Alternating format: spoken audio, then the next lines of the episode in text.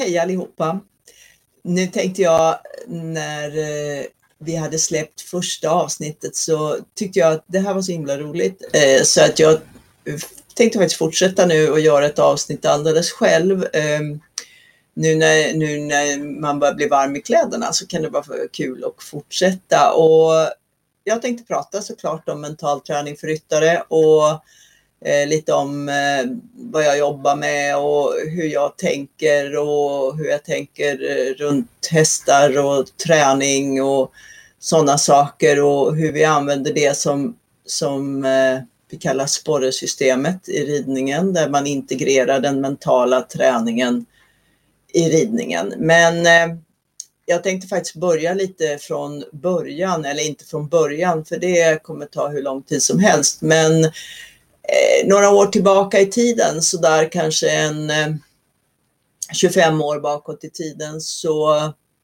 eh, var jag och tittade på och skulle köpa en häst och eh, jag provred hästen som skulle köpas och det var en trevlig häst och så men i en hage så gick det en eh, jätte, jättefin skimmel. Jag är ju väldigt svag för skimlar, alltid varit. Eh, och den här var fantastiskt vacker. Eh, och eh, jag frågade eh, säljaren som skulle sälja sin häst, eh, vad var det för häst som gick i hagen? Jo, nej, det var en, en eh, eh fin häst, en vallack som var nio år efter Maximus som då var en av de som, den, eller den hingst som, som, en, en hingst som lämnade väldigt mycket framgångsrika hopp eh, av kommor. Och, Eh, men sa hon att eh, alltså han går inte att rida på. Nej, så är det något fel på. Nej, men han, han har gått som hingst eh, tills han var sex år och eh, sen har han varit på inridning och det, han blev inriden men det, har, det funkar liksom inte för mig för att han, han slänger av. Och eh, jag känner mig inte säker på honom och han ska säljas nu men han har varit iväg på försäljning och eh, tillbaka igen för att han, han slänger av helt enkelt. Och eh, jag ja, för att göra en lång historia kort, jag kunde ju inte motstå den här hästen utan vi köpte honom också för en struntsumma med löfte om att han aldrig skulle komma tillbaka och vi köpte den andra hästen också så att det var väl bra. Eh, och, då, och sen så kom, eh, kom han hem eh, och eh, vi provade att rida och min eh, man satt upp först och eh, ja, eh, han åkte av. Eh, och då, sen så började vi med lite olika, eh, ja, olika sätt att, att vänja honom. Vi gjorde någon form av docka och så vidare. Men, men eh, det, det ville sig inte riktigt. Det gick bra ibland, men ibland gick det inte alls bra. Och eh, alltså, till slut så, så eh, blev det så att jag skickade iväg honom eh, några månader så han fick gå på bete med några ardennerston och eh, lugna ner sig lite grann och sen så började jag om från helt och hållet från noll. Tänkte att det här är en treåring som aldrig är sutten på och jag började där. Och där någonstans så började ju jag faktiskt liksom på allvar använda det som, som jag använder idag, det vill säga hur man genom eh, sin andning och genom sin avslappning kan påverka en häst till att sänka spänningen och eh, eh ja, spänna av helt enkelt. Och det här var ju ingen nyhet. Det här ah, har hästkunniga människor gjort i årtusenden. Men, eh, och det var ingen nyhet för mig heller. Men nu blev det att jag började använda det systematiskt i träningen av honom. För att jag visste att jag, jag var tvungen att göra det här ordentligt för att det skulle kännas tryggt och att jag skulle eh, våga rida på honom helt enkelt med risk för, alltså att jag inte riskerade att skadas.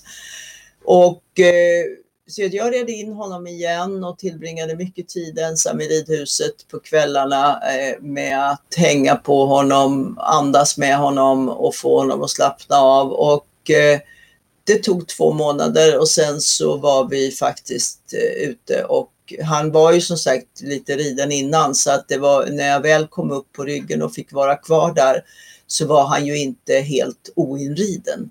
Eh, men eh, det blev en jättefin häst eh, och eh, det som var det jag lärde mig då, det var ju just det här att man kunde också kontrollera sina egna känslor.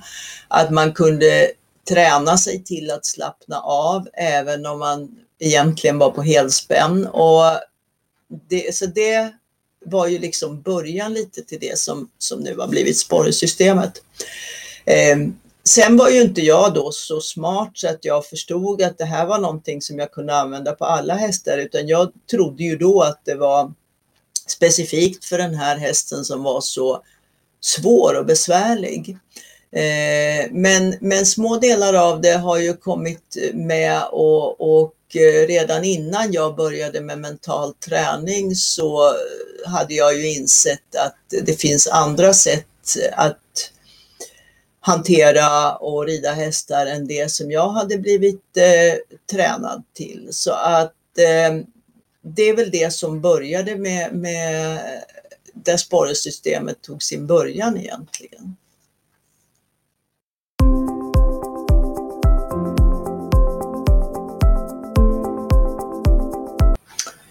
När jag sen då började själv utbilda mig inom mental träning och började träna mentalt så insåg ju jag vad avspänningsträningen gjorde för mig. Eh, och jag började ju då också använda det i, eh, i, mina, i min träning av ryttare, att eh, få dem att spänna av och också kunna, kunna påverka sina hästar på det viset. Så det var ju början, det började jag väl med för ungefär tio år sedan.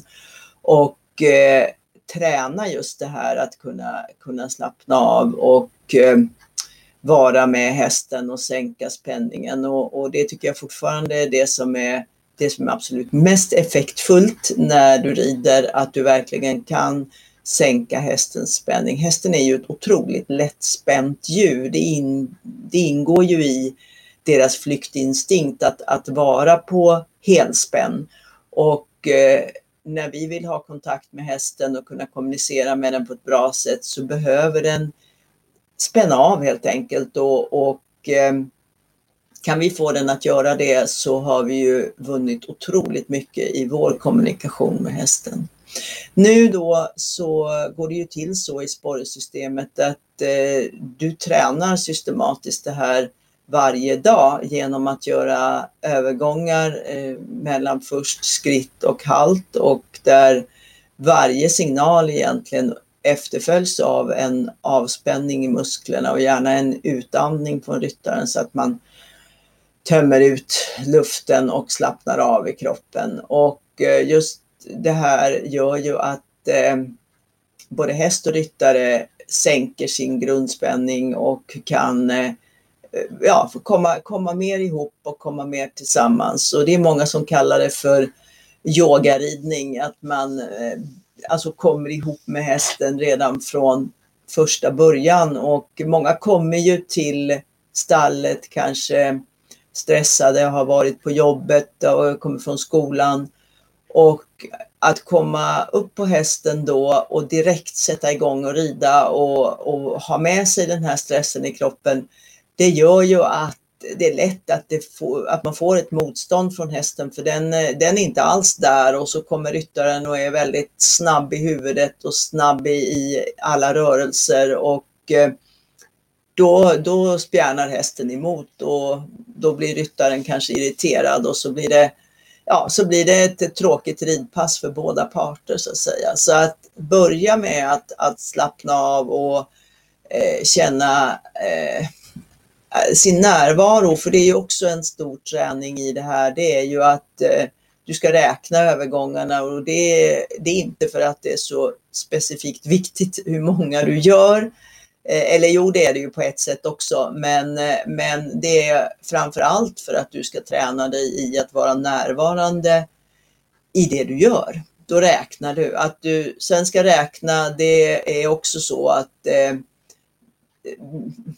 vi ryttare har ju lite grann en tendens, det finns eh, lite eh, olika typer där. Antingen så är det ju den som gör för lite för man tycker att det här, ja nu kan vi det här och så slutar man och så blir det mindre och mindre och då får man inte den effekt som man vill ha. Eller också så finns det den andra eh, typen av ryttare som gör för mycket, för många. Man letar efter att det ska bli perfekt och det är inte alls så det här fungerar utan när du börjar där och gör skritt och halt så gör du så att du skrittar, eh, du tänker halt eller stopp, håller kvar den tanken i huvudet, kramar om tygeln och när hästen stannar andas ut och slappna av. Och då är det viktigt att det är bara det här som är fokus. Det är inte att hästen ställer sig perfekt uppställd med alla fyra. Det är inte att den står på tygeln eller kröker på nacken eller så, utan bara att den stannar. Och sen sätter du igång hästen igen med en lätt signal av skänken och så upprepar du det här tio gånger. Först i ena varvet, jag brukar börja i vänstervarv, varv, eh, och sen i andra varvet. Och det gör jättestor skillnad. Du kan också prova dig fram när du har gjort det några gånger att du bara tänker halt eller stopp och låter hästen stanna på din tankesignal. Någonting som är, är roligt att göra, eh, speciellt tycker dressyrryttare att det är roligt, det är att du gör dig en tydlig bild av hur du sätter ner hästens hovar en, en fot i taget och ställer dem bredvid varandra och eh, då ställer sig hästarna så. Det, det är faktiskt väldigt roligt och som dressyrryttare är det här en bra, bra grej för att du behöver liksom aldrig oroa dig för själva uppställningshalten utan du ställer bara hästen så som du vill ha den ställd. Det här är någonting som man kan träna på och ha riktigt roligt med faktiskt.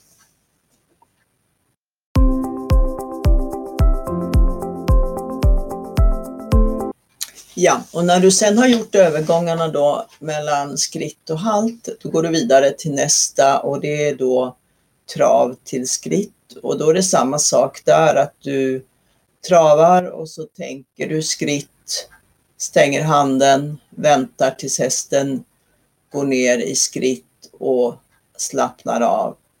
Och sen känner du efter när du får en känsla av eh, att hästen har hittat sina ben och det är en känsla som alla ryttare känner, jag känner den i kroppen och om man Eh, gör sig mottaglig för den känslan så, så tränar du också din, din känsla för ridningen och eh, inte fundera på hur hästen går eller eh, så utan bara känner efter att den är eh, på sina ben i balans. Då sätter du igång i trav igen. Det gör att hästen får en bra eh, start upp att sätta igång sina bakben och börja trava och de flesta upptäcker efter att ha gjort de här 20 övergångarna mellan skritt och trav att hästen är väldigt mycket mer igång och framme till bettet och framme för skänken så att det är en definitiv extra bonus. När du har gjort den övergången då, travskritt, så går du vidare till den som är svårast och det är den från galopp till trav.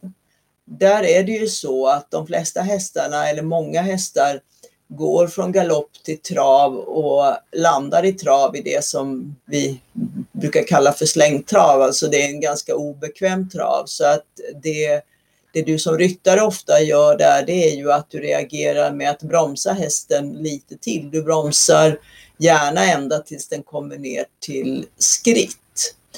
Eh, det här är ett, eh, att bromsa hästen så gör ju att du skapar en bra känsla för dig därför att det känns bättre när hästen inte springer iväg.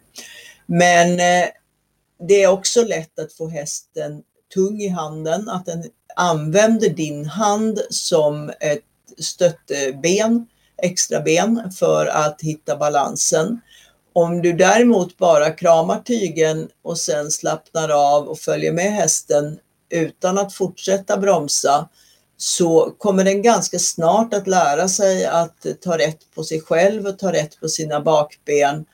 Och så fort du får den här känslan av att hästen har sina ben med sig så ger du den en signal till galopp igen. Och då blir hästen tvungen att snabbt organisera sina ben, få dem med sig och sen fatta ny galopp. Och det här är en jobbig eh, träning för svaga och unga hästar och då brukar jag rekommendera att du gör 5 plus 5, alltså 5 i vänster galopp och 5 i höger.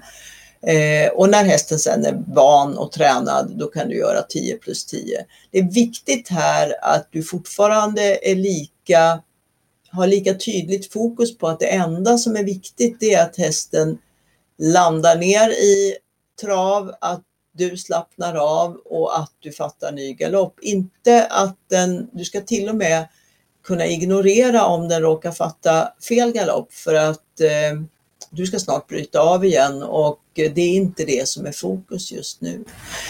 De här övergångarna gör du varje dag.